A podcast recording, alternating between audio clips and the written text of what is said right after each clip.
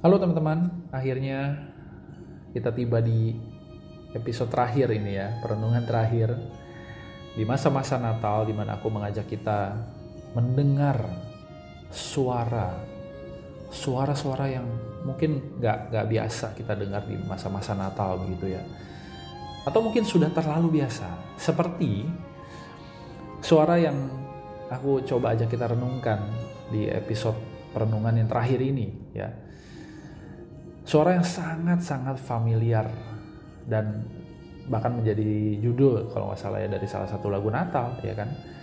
Gloria in excelsis Deo. Kemuliaan bagi Allah di tempat yang maha tinggi dan damai sejahtera bagi manusia yang diperkenankannya. Lukas 2 ayat 14 kalau nggak salah ya.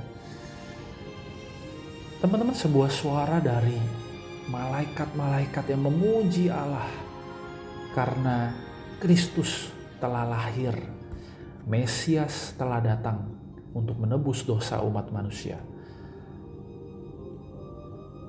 Pernahkah kita pikirkan bahwa ini bukan sekedar suara yang tiap tahun kita lantunkan di dalam sebuah lagu ya.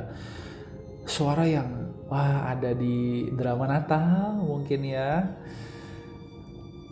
atau suara-suara yang mungkin kita juga sering interpretasikan ya kita perkatakan dalam bahasa lain misalnya Soli Deo Gloria, to God be the glory misalnya gitu ya. Kita sudah mungkin terlalu biasa dengan kemuliaan Tuhan.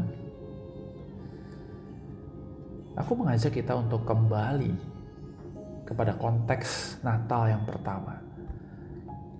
Gloria in excelsis Deo. Waktu itu hadir bagi para gembala. Teman-teman, mari kita ingat siapa sih para gembala. Di dalam konteks orang-orang waktu itu, teman-teman, gembala itu adalah pekerjaan yang rendah. Upahnya rendah, status sosialnya rendah, ya. Siapa kasarnya tuh ya, siapa yang mau jadi gembala? Kotor-kotoran ya kan? Menggiring domba-domba yang nakal yang katanya hewan yang rabun ini harus dituntun terus gitu kan? Siapa yang mau mengerjakan pekerjaan seperti ini? Tapi lantunan Gloria in excelsis Deo itu justru hadir bagi mereka. Pesan Injil hadir bagi orang-orang seperti mereka orang-orang yang dianggap rendah, orang-orang yang dianggap kelas 2, orang-orang yang mungkin hampir disingkirkan secara strata sosial dari kehidupan masyarakat waktu itu.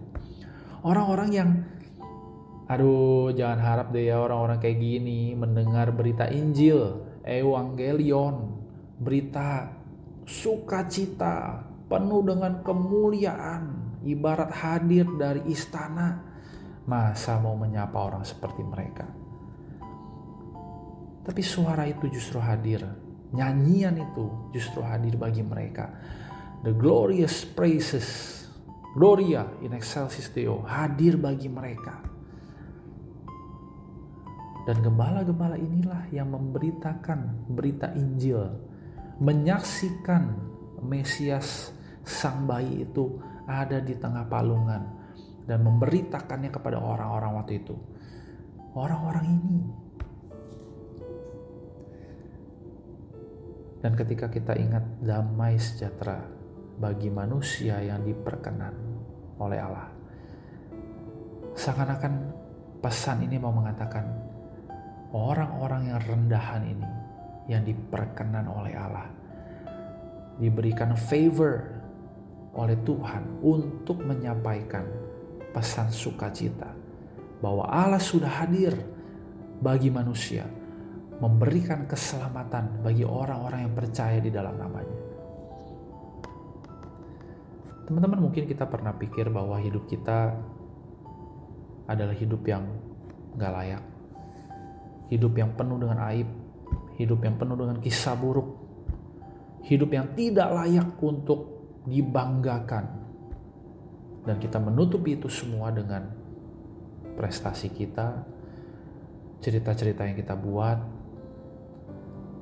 kebanggaan-kebanggaan dunia yang berusaha kita cari. Tapi teman-teman lihatlah kehidupan gembala-gembala ini.